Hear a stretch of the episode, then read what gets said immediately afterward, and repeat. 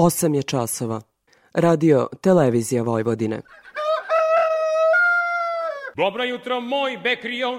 Ovde si mi poranio. Dobro jutro, moj Bekrio. Ovde si mi poranio. Ta kako ne bi poranio kad upravo počinje emisija Radio Novog Sada. Poljoprivredno dobro. Radio magazin za poljoprivredu i selo. Pred mikrofonom je Stevan Davidović.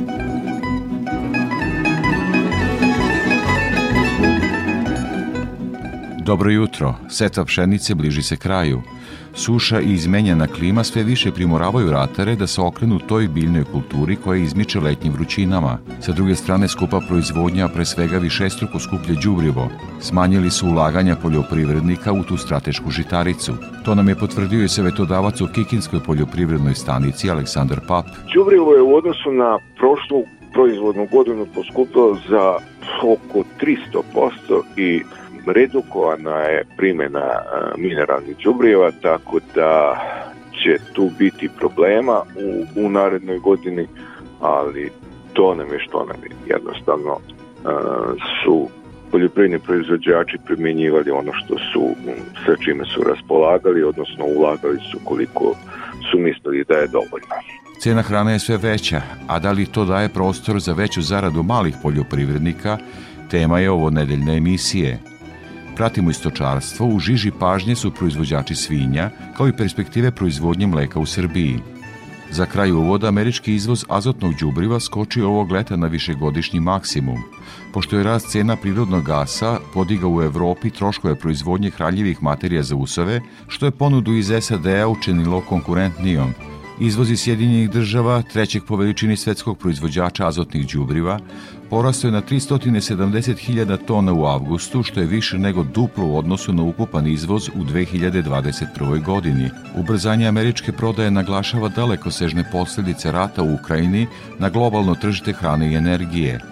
Rusija koja je pod zapadnim sankcijama vodeći je proizvođač đubriva i prirodnog gasa, ključnog u proizvodnji azotnih đubriva za povećanje prinosa kukuruza i drugih useva.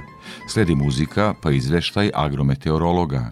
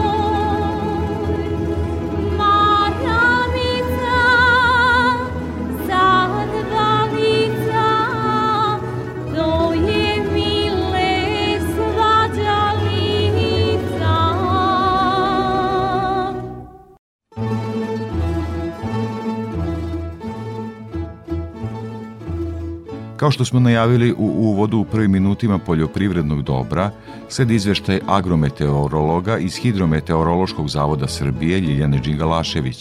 Period suvog i toplog vremena sa dužim sunčanim intervalima nastavljen je i tokom poslednje sedmice oktobra.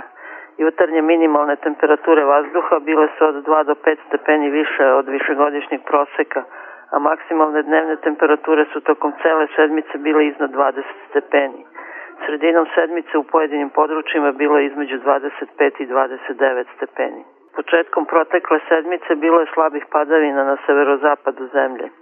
Procenat padavina u poslednjih mesec dana u odnosu na prosek je u Vojvodini i na jugozapadu oko 125 procenata, dok je u zapadnim, istočnim i centralnim delovima Srbije između 50 i 75 procenata povoljni vremenski uslovi tokom proteklih sedam dana pogodovali su da se kvalitetno obavi priprema obradivog zemljišta kao i setva ozime pšenice. Lepo vreme je omogućilo da se obiđu posejane parcele i pregledaju nikli ozimi usevi, kako bi se utvrdilo prisustvo uzročnika bolesti, kao i korova, pa po potrebi primeniti zaštitu.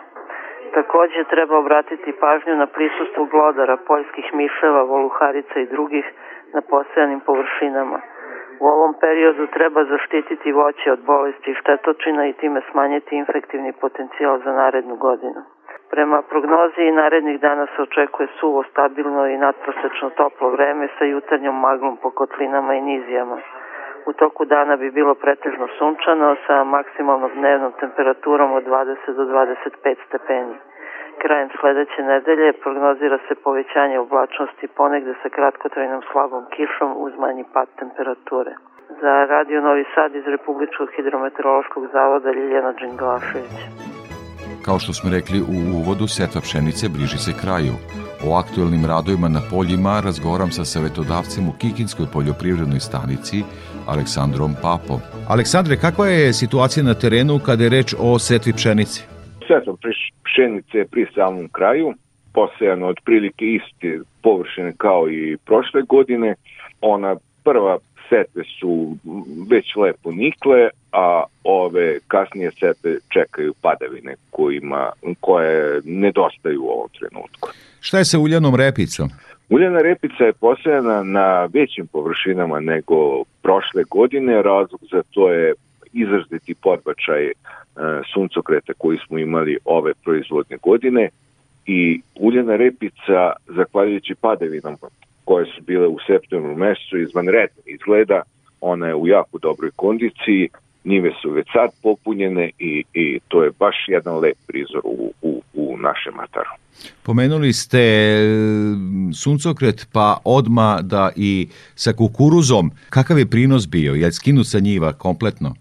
Kukuruz je završena je žetva kukuruza mm, sa prinosom od 2 tone po hektaru u proseku nismo zadovoljni i tu je priča koja nema matematike ove godine sa, sa kukuruzom. Ko bude hteo da se kukuruz u narednim godinama treba ozbiljno da porazmisli o sistemima za navodnjavanje jer kako stvari idu u narednim godinama bez sistema za navodnjavanje će biti jako rizična proizvodnja kukuruza. Je bilo i posrne setve ili baš zbog navodnjavanja i toga nije bilo? Šta da vam kažem, e, kukuruz e, je biljka koja voli dovoljne e, količine padavina, a kod nas iz godine u godine izostaju te padavine, znači u vegetacijnom periodu i kukuruz je jednostavno jako velik rizik sejati ovde. Da se vratimo malo na početak razgovora, odnosno setu pšenice, ali sada da pričamo o agrotehnici. Koliko ste zadovoljni primenjenom količinom đubriva ove jeseni? Đubrivo je u odnosu na prošlu proizvodnu godinu poskupilo za oko 300% i redukovana je primjena mineralnih đubriva, tako da će tu biti problema u, u narednoj godini, ali to nam je što nam je. Jednostavno su poljoprivredni proizvođači primjenjivali ono što su, sa čime su raspolagali, odnosno ulagali su koliko su mislili da je dovoljno. Hoće se to moći korigovati kroz prihranu? E, pa prihrana je sa azotom, a kada se izostavi ovo osnovno džubrenje sa fosforom i kalijumom, tu može da jedne do dve godine imamo neke zadovoljavajuće prinose, ali na uštrb uh, plodnosti zemljišta. Kada smo već pričali sada o setvi, žetvi, mehanizacije ima dovoljno u ataru? Da, mehanizacija je na vrlo visokom nivou u, u, u, u odnosu na, na celokupnu poljoprivrednu proizvodnju na našem terenu. Šta je sa korovima? E, ovo, ovako klimatski uslovi pogoduju razvoju korova, pa sada pretpostavljam zbog nedostatka kiše tu će biti konkurencije sa gajenim biljkama. Korovi e, su u bujanju zato što imamo vrlo visoke temperature i nismo imali taj pravi prvi jesenji mraz koji bi prekinuo vegetaciju širokolisnih korova, tako da očekujemo mraz pa da se, e, da se taj poraz zaustavi. E, što se tiče upravo toga zaštite od korova, preparata ima, kako poljoprivrednici reaguju na tu pojavu, da li već ima tretiranja, šta pa, se dešava? Nema, nema tretiranja, još uvek ovaj, ovi usevi koji su zasnovani jesenas, um, očekuju se mrazevi i samim tim će se ovaj, vegetacija korova prekinuti. Ali um, se crpi vlaga, crpi se e, hranljive materije iz zemljišta, tako da ne izgleda lepo onako na prvi pogled, međutim to će sve biti u redu sa, sa pojavom prvih mrazeva koji kažu bit će u, u novembru mesecu. Možda kratko, povrtarstvo, voćarstvo, to vam nije najuži stručni, ali naprosto vidite i to kakva je situacija u Kikinskom ataru kada je povrtarstvo i voćarstvo u pitanju. Kikinda nije velik povrtarski centar, zato što smo poprilično udaljeni od velikih potrošača, međutim ovih nekoliko povrtarskih proizvođača koji se bave povrćem su relativno dobro prošli zahvaljujući povoljnim cenama povrća. E, oni primenjuju punu agrotehniku, oni primenjuju navodnjavanje, primenjuju zaštite, zasenjivanja. E, to je uglavnom u zatvorenim prostorima, u kontrolisanim uslovima ili u poluzatvorenim, odnosno zasena je tu prisutna i to je jednostavno potrebno da, da bi se povrće dovelo do tržišta. A što se vrćarstva tiče, tu, tu smo poprilično loše prošli zato što smo imali pozne mrazeve i, i ekstremno visoke temperature u toku leta, tako da uz nedostatak padavina, tako da uz u ovu nisku cenu voća, tako da tu nema, nema puno proizvodnih rezultata. I evo za kraj ovog razgovora, sad kad smo već raširili e, naš razgovor sa onog osnovnog, a to je setva pšenice i stanje ozimih kultura, stočari kako, s obzirom na tako niske prinosi kukuruza, kako stočari se snalaze? Snalaze se kako znaju i umeju, mislim, to je prlo, prlo široka tema koja je ban moje struke, ali čujemo od kolega da, da su u vrlo nezabitnoj poziciji. Aleksandar Pap, poljoprivredna stručna služba u Kikindi. Veliko vam hvala za ovo javljanje i učešće u programu Radio Novog Sada. Hvala i vama, prijetno.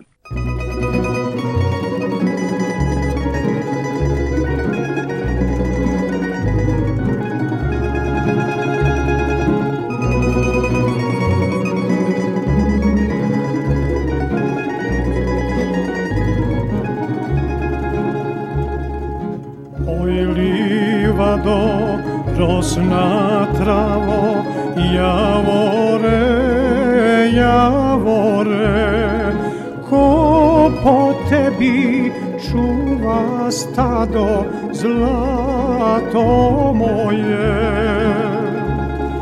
Ko po tebi čuva stado, zlato moje.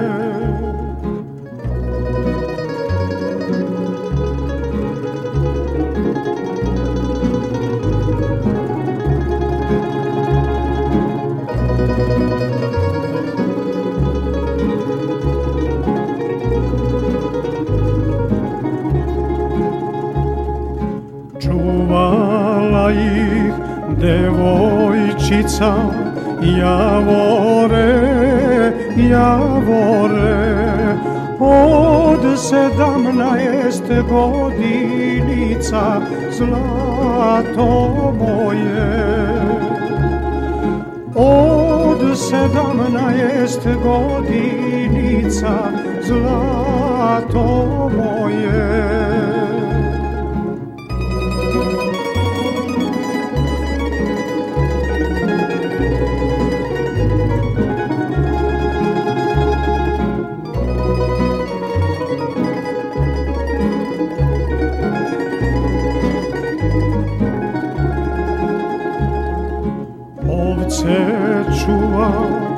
Pesme peva Javore, javore Moj dragane, što te nema Zlato moje.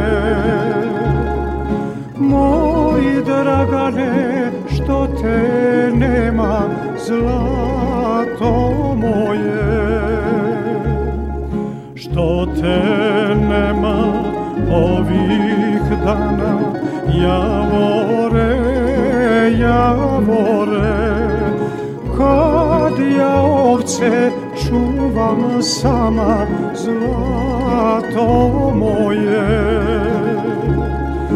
Kad ja ovce čuvam sama zlato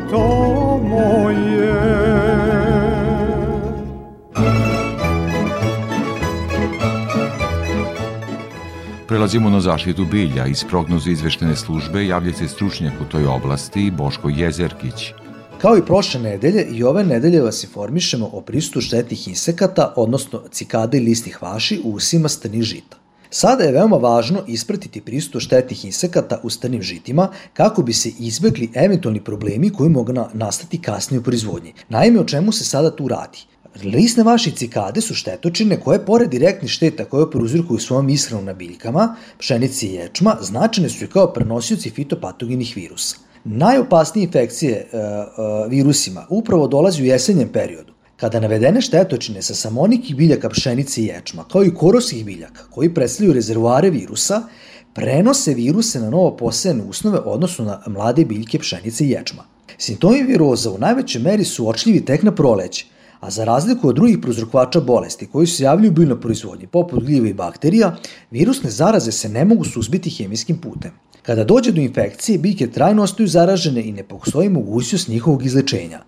S obzirom da ove jesene, usled toprog vremena, koje se prognozili za naredni period, imamo veoma povoljne uslove za razvoj listnih vaših i cikada, veoma je važan stalan pregled useva na njihovo prisustvo. Na, većin, na većem broju parcela setva stinih žite u toku, a trenutno se na poniklim usevima, ali i na samoniklim biljkama i korovima na uvratinama uočava povećanje brojnosti lisnih vaših cikada u odnosu na preglede prošle nedelje. Proizvođačima se preporučuje pregled poniklih useva pšenice i ječma i ukoliko se uoči prisustvo cikade listnih vaši na preko 10% biljaka, sprovođenje hemijskih mera zaštite. Za tu svrhu mogu se koristiti neki od registrovanih insekticida na bazi aktivne materije alfa-cipermetrin ili deltametrin. O prisustvu štetnih insekata u stanim žitima i merama njihovog suzbijanja možete pogledati na portalu prognozivštene službe zaštite bilja koji se nalazi na adresi www.pisvojvodina.com ili www.pisrbija.com.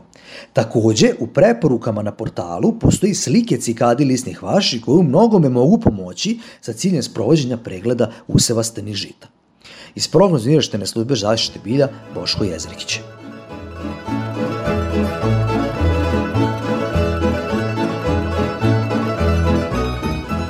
O trgovanju na Novosadskoj produktnoj berzi izveštava Anja Jakšić.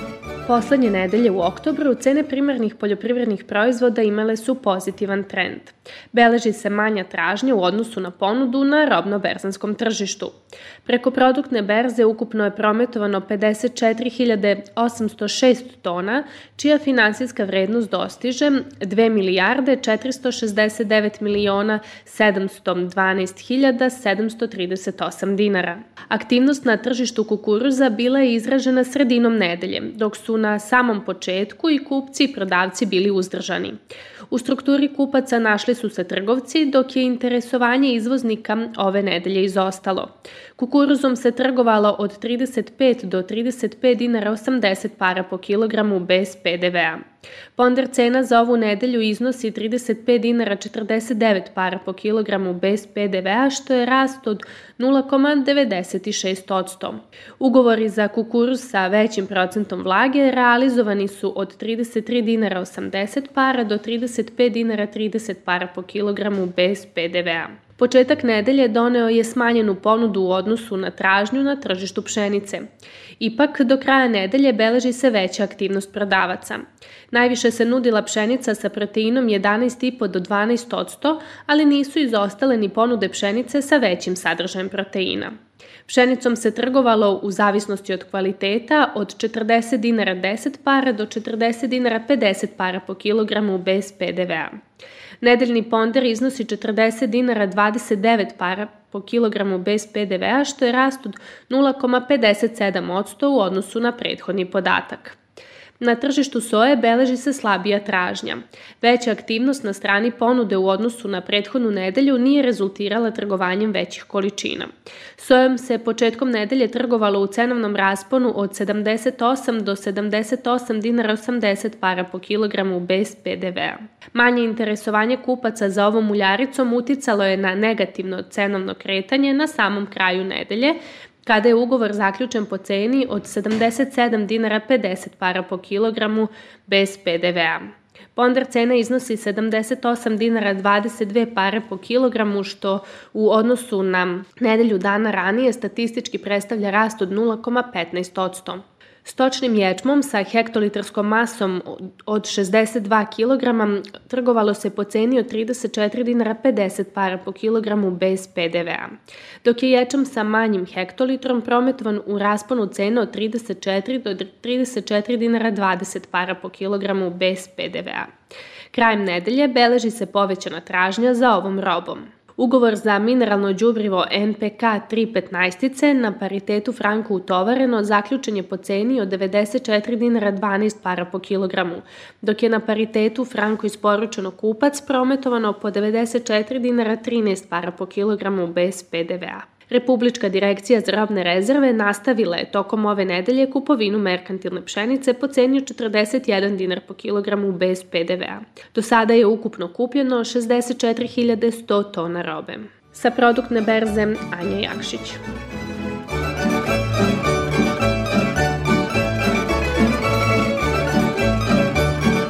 Kao i svake nedelje pratimo izveštaje o cenama sa tržišta žive stoke – Iz Infotim Logistike Gordana Jeličić.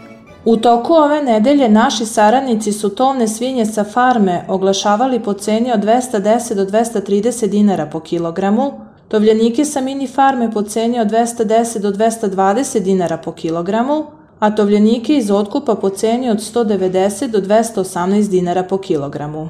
Utisak nedelje je bio da su potrebe za nabavkom tovljenika smanjene, a da je nivo dogovorenih cena ostao na istom nivou kao prethodne nedelje, na 210 dinara po kilogramu za, za farmsku robu. Ponuda jagnjadi oglašena je po ceni od 320 do 363 dinara po kilogramu, a ovce za klanje su nuđene po ceni od 145 do 166 dinara po kilogramu. Slaba je operativnost robe na terenu, pa ponuđači pokušavaju sa jačim cenama u oglasima kada su jagnjad u pitanju, u oči praznika koji nam dolaze. U toku nedelje prasaca farme su se oglašavala po ceni od 340 do 400 dinara po kilogramu, prasaca mini farme po ceni od 325 do 370 dinara po kilogramu, a prasad iz otkupa po ceni od 290 do 300 dinara po kilogramu. Ponuđači pokušavaju sa jačim cenama u oglasima kako bi se pripremili za predstojeće praznike. Ponude bikova Holstein oglašene po ceni od 300 do 330 dinara po kilogramu, a bikova simentalaca po ceni od 340 do 360 dinara po kilogramu. Pregovori se završavaju na nižim nivoima od oglašenih cena. Cene su izražene bez PDV-a. Za Radio Novi Sad, Gordana Jeličić iz Infotim Logistike.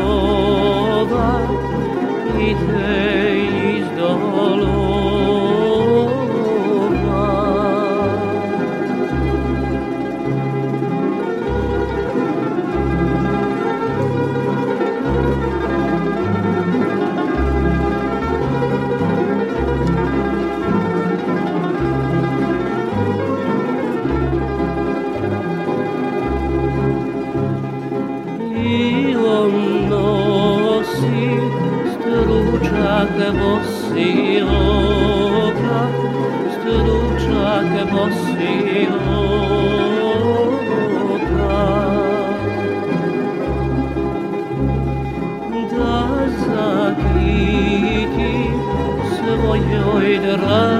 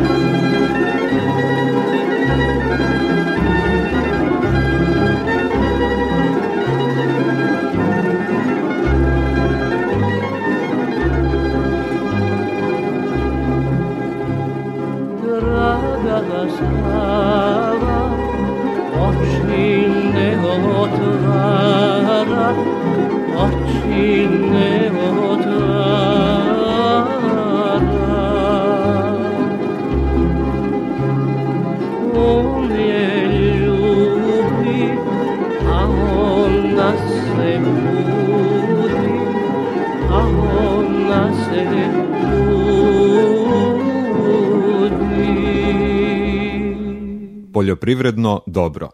Radio Novi Sad. Tema emisije.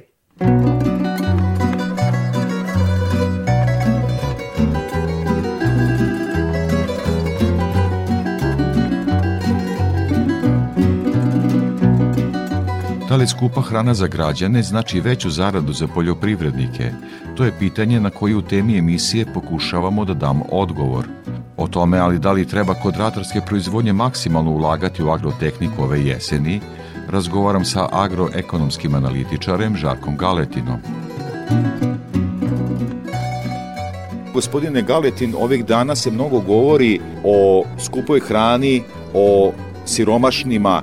Kakva je situacija u svetu da od toga krenemo? Problem hrane je eskalirao poslednje dve godine kao gorući problem, svetski, globalni problem s obzirom da podaci jedinih nacija jednostavno govore da se broj gladnih u svetu od 2015. godine konstantno povećava, on je danas negde na nivou preko 800 miliona gladnih, 811 miliona prema poslednjim podacima, prema metodologiji jedinih nacija, što dakle znači da je svet generalno ulazi u taj problem. Taj problem je najpre podstakla pandemija korona krize, a potom još znatno, znatno ubrzao ukrajinsko-ruski sukob koji je doveo do toga da smo mi recimo u martu mesecu imali apsolutnu vrednost, maksimalnu vrednost FAO indeksa hrane koja je bila negde na nivou oko 150 800, oko 160 indeksnih poena. Uh, poslednjih pet meseci je primećen pad tog indeksa, međutim i dalje uh, svet se suočava sa veoma skupom hranom i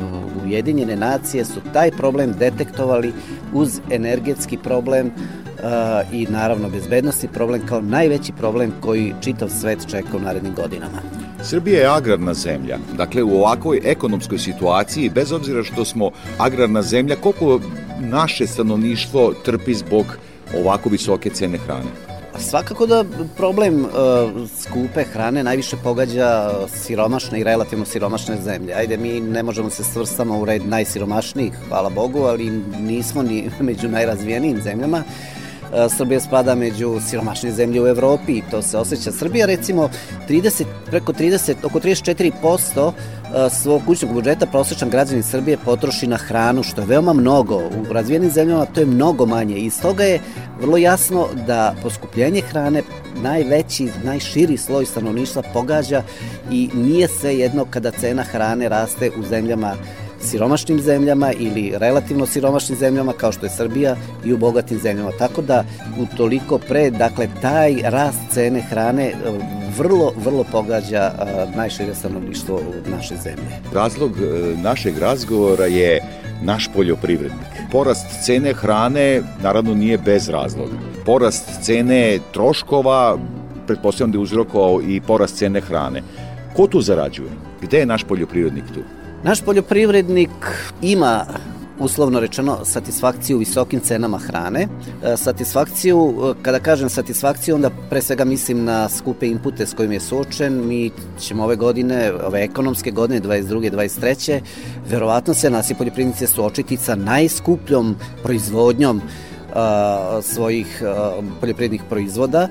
To je sasvim evidentno. Nikad skuplje đubrivo nismo imali, izuzetno visoke cene goriva imamo, pre svega dizel goriva, imamo rast cena semenske robe i tako dalje, tako da u toj utakmici, u tom, ajde da se tako kolokvijalno izrazim, nadgornjavanju između troškova inputa i cene gotovih proizvoda, outputa da kažem, Mislim da nema pobednika, da je tu jedini gubitnik životni standard našeg stanovništva i da naši poljoprivredni proizvođači ne verujem da će ući u bilo kakav veći profit, veću zaradu apropo tih visokih cena poljoprivrednih proizvoda. Bojim se da je tu nerešena, što bi se ono rekla, utakmica između cena inputa i cena gotovih proizvoda i da neće biti Bog zna kakvog benefita za naše poljoprivredne proizvođače. Naprotiv, ja mislim da će oni u najmanju ruku biti na istom što bi se ono reklo, ali da će najveći gubitnici svakako biti potrošači, odnosno najšire e, građanstvo Srbije. I sad, pošto naš agrar je e, prvenstveno, odnosno veliki procenat čine mali poljoprivrednici, ako pogledate e, dakle malog poljoprivrednika i one poljoprivrednike koji imaju velike površine zemlje. Kakva je tu situacija kad je reč o tome ko zarađuje ako je hrana skupa?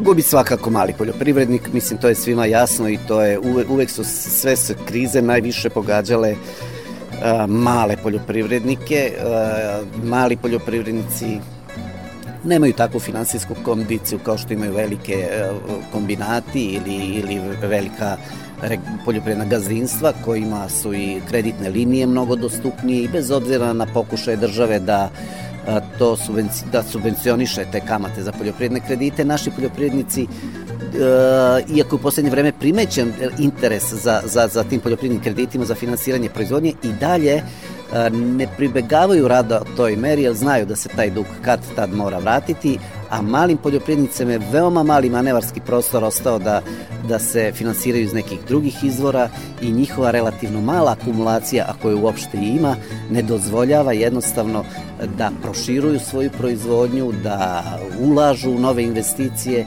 i na kraju krajeva da imaju takvu zaradu kao što recimo red velikih brojeva vam donosi veću zaradu, a to se naravno dešava kod onih poljoprivrednika koji imaju više zemlje, koji obrađuju više, koji imaju bolju mehanizaciju, koji imaju bolju finansijsku kondiciju, da u sledeći reprodukcioni ciklus uđu mnogo spremniji i mnogo opremljeniji nego što nešto slučaj sa, sa malim sitnim poljoprivrednicima. Pomenuli ste e, ulogu države, odnosno pomenuli ste državu subvencije. E, kako vidite ulogu države u tome da e, se građanima olakša nabavka hrane, tako da kažem, po poljnim cenama s jedne strane, sa druge strane da poljoprivrednik ipak može da zanovi proizvodnju uz određene investicije? Dakle, tu je jedna potpuna nesrazmera. Države pre svega u interesu da na neki način zadovolji potrebe kupca, potrošača, dakle svih onih koji se suočavaju sa, sa skupom hranom, sa cenama, visokim cenama e, hrane i u, u, u kontekstu te, te takve, da kažem, neke namere e, države, država je donela niz mera o ograničavanju cena, o zamrzavanju cena, o zabrani izvoza, jednostavno da bi s jedne strane obezbedila raspoloživost robe, a sa druge strane i cenovnu dostupnost robe. Naravno, da ta mera pogađa proizvođača. Proizvođači su naši e, e, prerađivači hrane, odnosno proizvođači primarnih roba. Tako da su oni ušli u problem i, i namera države da pomogne poljoprivrednim proizvođačima u jednom momentu, kao što, se, kao što smo imali slučaj recimo kod suncokreta ili ovaj, eh, ili recimo neki postice u investicionom pogledu da, da se daju neke subvencije za nabavku mehanizacije, traktor i tako dalje, mislim da nisu dovoljna satisfakcija našim poljoprivrednim proizvođačima. Država jednostavno razmišlja o korp, onom mnogo, kako bih rekao, većem korpusu, a to je a, to su potrošači, to je, to je stanovništvo koje se dakle suočava sa tom skupom cenom hrane i tu gleda da zadovolji njihove E, potrebe tako što će zamrzavati cene hrane, a naši poljoprivredni proizvođači sa druge strane od te iste države nemaju odgovarajuću satisfakciju da nadoknade e, da nadoknade upravo štetu koja uslovno rečeno štetu koja nastaje kao posledica takvih mera. Moram vas, e, gospodine Galetin, pitati i to. U, u, u sve to što smo sada razgovarali, što ste sada rekli, nekako i mentalitet se upliće. E, postoje mašinski krugovi, dakle korišćenje zajedničke mehanizacije. Međutim, mi to ne praktikujemo. Nekako volimo sve da imamo sami i uz svu ovu tešku situaciju mi nekako i sami doprinosimo e, možda preterujući sa, sa, sa, sa opremljenjušću gazdinstva nekom mehanizacijom. Kako je vaše viđenje toga? Ja se potpuno slažem sa vama. Dakle, to je jedna, eto, da kažem, anomalija, možda baš kao što ste vi to detektovali, neka mentalitetska anomalija. Uh, toliko pre ne mogu, nekako mi to ipak nije jasno da Srbija koja ima relativno dugu tradiciju recimo za drugarstva, da ne pribegava, ne pribegava jednoj takvoj racionalnoj Uh, upotrebi uh, mašina uh, poljoprivrednih kroz sistem recimo mašinskih krugova koje ste vi spomenuli, kroz, kroz sistem zadrugarskog povezivanja. Vi za svako voli što vi kažete u svom dvorištu da ima dobru dobar traktor, dobru mehanizaciju, da se pohvali komšiji kako je njegov traktor jači, veći, bolji, noviji i to u suštini predstavlja jednu veliku neracionalnost koju krajnje dovodi do poskupljenja cene proizvodnje e, tih primarnih poljoprivrednih proizvoda.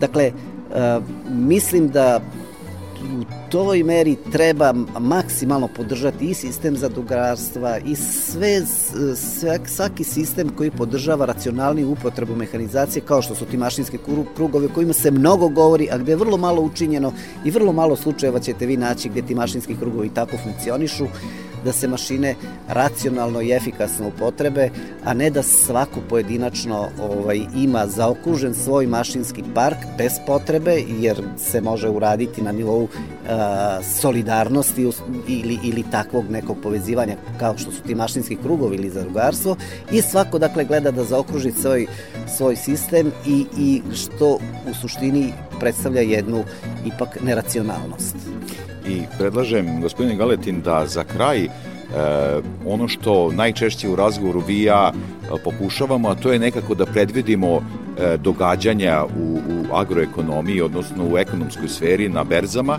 Dakle, u svetlu sve skuplje hrane, sve većih troškova, mogu li naši, pre svega mali poljoprivrednici, da očekuju bolju zaradu i naši građani da očekuju ipak koliko toliko stabilnije i niže cene? Moj lični utisak je da se tržište energenata polako stabilizuje. Rusija koja je apsolutni lider u proizvodnji gasa, ako ste primetili, cena gasa je ipak stagnira u poslednje vreme.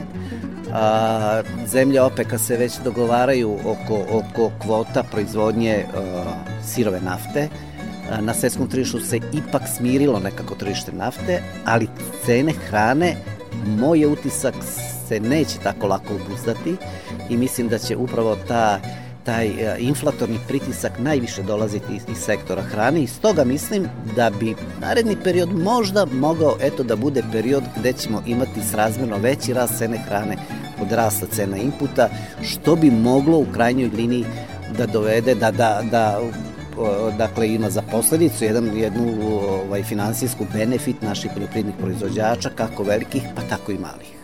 Možda evo ovom da kažem, pitanju za kraj da priključim i ovo, e, aktuelna je setva pšenice, da li onda po ovom što ste vi rekli vredi investirati sortno seme, đubrivo, ulagati u proizvodnju, da li će cena hrane to opravdati? A ovo je dobro pitanje. So, suočavamo se sa najskupljom setvom pšenice. U ovom trenutku naš paor mora da uloži u dakle, seme pre svega, jel? u dizel gorivo s kojim će obraditi zemlju, posejati, uh, u mineralna džubriva, ako je to MAP koji će koristiti, koji je najviše poskupeo, koji je sad negde oko 120 i 130 dinara za kilogram. Dakle, ova godina, što se pšenice tiče, ajde da kažem, uh, imaće uh, u prvom naletu ćemo imati veoma skupu proizvodnju i zasnivanje proizvodnje pšenice. Šta će se dešavati na proleće ne znam, ne verujem da će tu biti mnogo uh, nižih cena mineralnih đubriva, ali šta će se dešavati na tržištu outputa, dakle na tržištu same pšenice, To je sada već jedno pitanje za, o, kome može, o kome možemo dugo razgovarati. Ono što je izvesno, svet se suočava sa manjom ukupnom svetskom proizvodnje pšenice od predviđene potrošnje prema podacima Američkog ministarstva poljoprivrede za neki 10 miliona tona što uz sve ove okolnosti uh, rusko-ukrajinskog sukoba koji kome se ne vidi kraj može dovesti do daljeg rasta cena pšenice. Mi danas na produktnoj berzi imamo cenu pšenice koja je preko 40 dinara preko, bez PDV-a i koja je u, ponovo u jednoj, u jednoj, jednom trendu rasta, što samo govori da će cene pšenice, ako smo sada već kod pšenice, i dalje da rastu i ja verujem da će preći onaj istorijski maksimum koji smo imali proletos, kada je cena pšenice u jednom trenutku bila 42 dinara bez PDV-a, kod nas u Srbiji. Verujem da će se taj cenovni rekord probiti, možda već i do kraja godine i u svakom slučaju očekujem s te strane dobre vesti za naše poljoprivredne proizvođače. Agroekonomski analitičar Žarko Galetin, veliko hvala za ovaj razgovor i učešću u programu Radio Novog Sada. Hvala i vama, bilo mi je zadovoljstvo.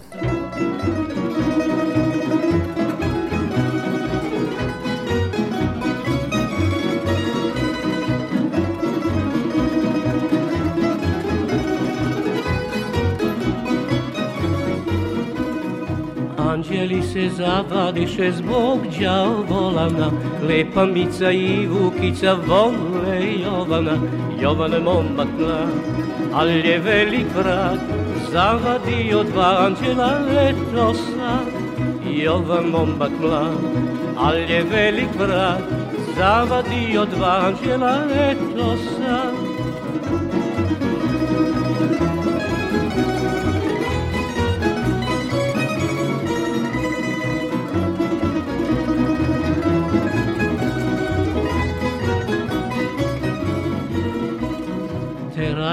me da se ženim dok sam još te mlad Da se malo opoštenim, da se smirim ja. Sve je krasno to, ali je jedno zlo Što ja volim sve devojke jednako. Sve je krasno to, ali je jedno zlo Što ja volim sve devojke jednako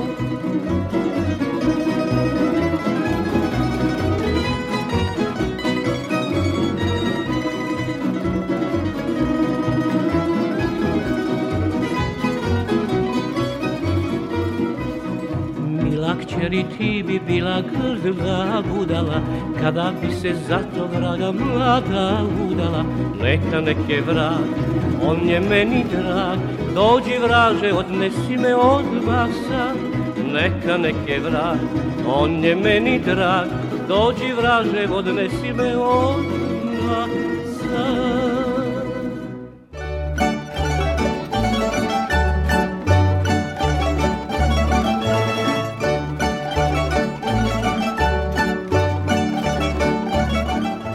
Ciklično kretanje cena na tržištu tobljenika godinama pravi velike probleme farmerima. Kako tvrdi proizvođač iz Laćarka Bora Šulimanac, trenutno je izuzetno teška situacija zbog skupe hrane za životinje i slabog otkupa svinja. Boro, kakva je situacija u svinjarstvu? Često razgovaramo na tu temu, međutim, dinamično je na tržištu, pretpostavljam. Trenutno je ove, jako loša situacija, svinje ne mogu da se prodaju, a cena nam je u odnosu na nepunih 20 dana oborena 70 dinara po kilogram. Koliko je trenutna cena? Trenutno je 200 dinara plus PDV za farmske svinje. Šta to znači za farmere? To znači da je sad gubitak oko 3000 postavljeniku. Da, da će nam se desiti isto što i sa mlekom, sa svinskim mesom, isto će nam se desiti. i to vrlo ubrzo ja prognoziram možda i za šest meseci do godin dana mogu da dođemo u problem da isto bude potražnja kao i sa mlekom. Oni se pravdaju nekih, nekakvim uh, uvoznim uh, konkurentnim svinjama, a država neće da zabrani uvoz, pravda se sporazumima i jednostavno naša proizvodnja se uništava gas jer mi ne možemo da po te pare proizvodimo. Bio je ovo jedan kratak blesak po 270 dinara, ali to su samo pojedini određeni farmeri uspeli to da ugrabe jer je to bilo kratkog daha. I opet se nastavilo sve po starom, jer ovo sad, e, ova cijena vam je sad gora nego ono pre godinu, dve dana kad smo imali 130-150 jer je hrana stočna poskupila i svi ostali inputi i sad opet mi beležimo gubitke na to u svinja. Ja ne mogu da shvatim da neko nema razumevanja, zato Reci mi Boro, jel ti imaš e, tovljenike da čekaju e, prerađivače? Imam 500, imam 500 tovljenika, ne mogu da prodam niko. Mogu sam da pokojim po nekim mizernim cijenama, tako imam jednog, dva kraničara koji me nešto ucenjuju i oni, njima je to sad, oni se pravdaju da je to tržište i da oni tu ne mogu ništa i da jednostavno to je takva situacija da, da, da oni kad mogu da kupe jeftino, oni će kupuju jeftino, ali baš da idu do ove mere, jer nisu oni oborili cenu mesa mnogo, a svinja su oborili za 25-30%. A ja sad u mesarama ne mogu zvanično da vam kažem, ali ne verujem da su više od 10% spustili. Boro, reci mi udruženja proizvođača, kako reaguju? Sad smo osnovali novo udruženje, oni se bore ljudi da novu ministarku dočekaju ovaj, što, što u boljem svetlu i da je odmah predoče situaciju kakva je da ne bi jer smo imali stalnu situaciju da nekako mesari uvek pre, pre, pre dopru do, do, do ministra i ministra trgovine onda oni tam prebacuju loptu on nije to moj resor, to vidi s ministrom trgovine, ovaj kaže to vidi sa upravom za veterinu, onda oni stalno nešto odlažu i s jednog na drugog prebacuju loptu, a, a stočarska proizvodnja rapidno opada i nažalost polako umire. Može da se desi vrlo brzo, evo, već u selima nemate mali proizvođači, su svi nestali. Ostalo je nas nekoliko, ovaj, što kaže, entuzijasta u mom selu koji smo uporni, ali i ove ostale sve moje kolege su smanjile. Ko ima 500 ima sad 300 jer je pravio gubitke. Svi su ovaj, smanjili za 25-30% proizvodnju i gledaju u pravcu da još smanji. Boro, evo za kraj pitanje, šta su ti planovi u narednom periodu, kažeš da imaš već tovljenike koji čekaju prerađivače, hoćeš pa ja, stavljati ja na to? Ima tri proizvođača prasadi koji su zajedno sa mnom rasli i podizali kapacitete farme. To su ljudi, to su porodične mini farme koji proizvode prasad samo za moje gazdinstvo. E, jer ja nisam mogao baviti ratarskom proizvodnju, nisam mogao i krmače i oni su ljudi na kontu moje proizvodnje podigli svoju proizvodnju, zadužili se, podigli kredite i imaju posao u svom dvorištu, cela porodica radi sad na toj mini farmi i on i žena i deca svi imaju po 70-80 krmača i sad i njihova proizvodnja dolazi u pitanje jer ja ne mogu nikad ne mogu poučem od njih prase oni moraju daje prase na klanje. Prase na klanje je 100 dinara jeftinije nego prase za to. I oni ljudi su isto očajni kao ja u istoj situaciji. Ako ja prestanem da tovim i, i, i, te, i te tri porodice će svoju, svoju proizvodnju morati da ugasi. Znači to je jedan lanac koji se, ceo lanac koji je ovaj, umreže će se ugasiti. Tu će ostati, evo sam na ovom mom primjeru, i, i ovaj moj radnik što, što je prijavljen kod mene što hrani na farmi svinje i on će ostati bez posla. Znači, ostaće 20 ljudi bez posla. Ako predstavim da to je to je samo u mom slučaju. Možete zamisliti koliko ima farmera ovakvih kao ja, pa puta toliko ljudi koji danas žive od toga. Mislim, stvarno je jedna, jedna očajna situacija. Farmer iz Lačarka, Bora Šuljmanac, veliko hvala za ovaj razgovor i učešću u programu Radio Novog Sada. Pozdrav još jednom puno iz Sremske Mitrovice Lačarka.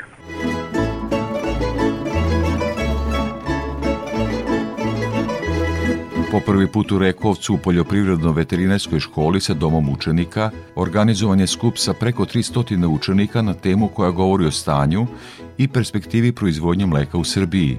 Poljoprivrednici, stručnjaci, naučnici, predstavnici ministarstva i instituta okupili su se sa namerom da zajednički pronađu rešenje da povećaju proizvodnju i mlečnost samih krava. kako bi se sprečile posljedice nestašice mleka u prehrambenoj industriji Srbije. Ana Rebić.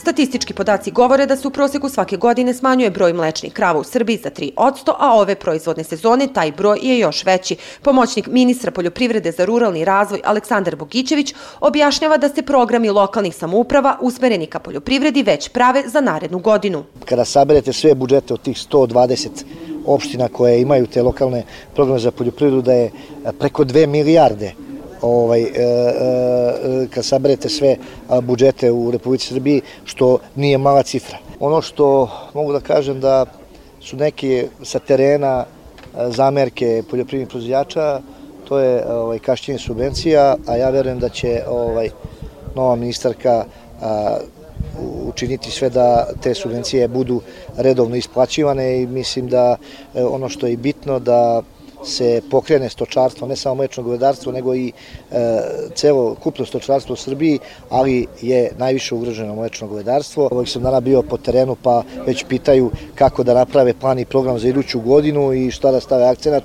Ja sam svakom rekao predsedniku opštine i gradonačelniku, ljudi stavljajte akcenat na stočarstvo. Iskustvo Hrvatske prenosi predstavnik mreže savetodavnih službi jugoistočne Evrope Milan Gusnjak da li će uopće Hrvatska imati vlastitu proizvodnju mlijeka, jer su trendovi pada proizvodnje mlijeka izuzetno izraženi, pa tako prije 10 godina smo imali 60 tisuća proizvođača mlijeka koji su davali mlijeko na otkup, a sada imamo 3 tisuće. Konkretne mjere su da se sakupe podaci koji ukazuju na produktivnost, na uh, troškove i prihode, da se zainteresiraju mladi, da se primjenjuju suvremene tehnologije, znanje i naročito digitalne tehnologije, te da se vodi računa da proizvođač mlijeka koji puno radno vrijeme radi u svojoj staji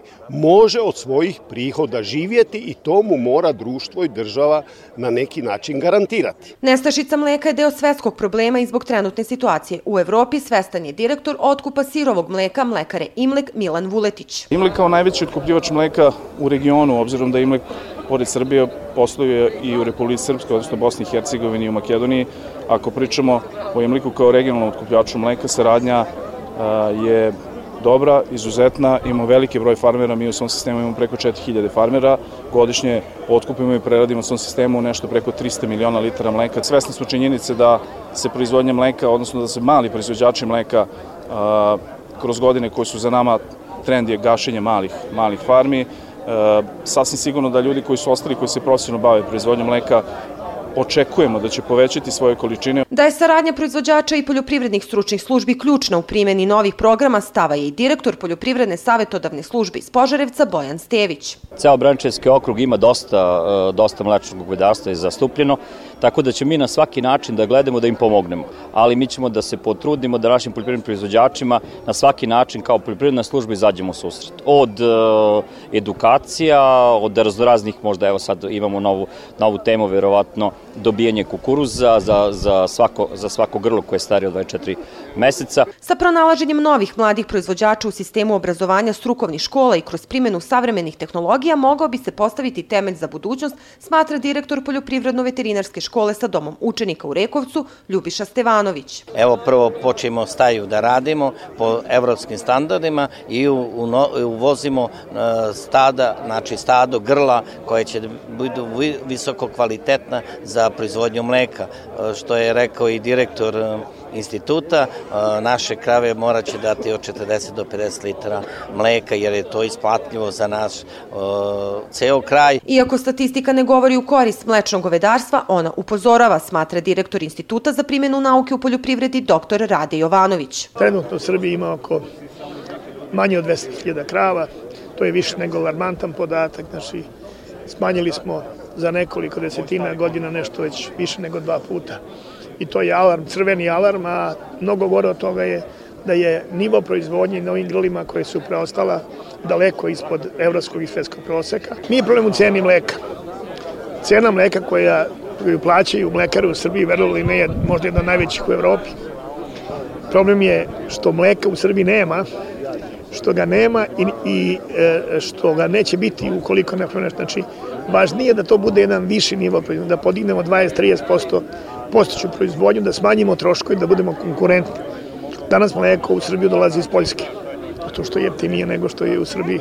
Vreme je da se struka nauka i svi faktori u mlečnom govedarstvu od nadležnog ministarstva preko industrije do proizvođača usmere na pravljanje jasne strategije kako bi se naučilo na greškama drugih u okruženju i kako bi se sa što manje posledica prošlo kroz tranziciju povećanja mlečnosti grla. I pred kraj emisije još jednom prognoza za narednu sedmicu. Iz Hidrometeorološkog zavoda Srbije Ljiljana Đingalašević. Prema prognozi narednih dana se očekuje suvo, stabilno i nadprosečno toplo vreme sa jutarnjom maglom po kotlinama i nizijama. U toku dana bi bilo pretežno sunčano sa maksimalnom dnevnom temperaturom od 20 do 25 stepeni. Krajem sledeće nedelje prognozira se povećanje oblačnosti ponegde sa kratkotrajnom slabom kišom uz manji pad temperature. To bi bilo sve što smo vam pripremili za ovo izdanje poljoprivrednog dobra Radio Novog Sada. Emisiju montirala Violeta Marković, muziku biro Aleksandar Stojanović. Pozdravlja vas urednik i voditelj Stevan Davidović. Naredni susret je za sedam dana uz podsjećanje da emisiju možete slušati i odloženo na portalu Radio Televizije Vojvodine na adresi rtv.rs. Svako dobro.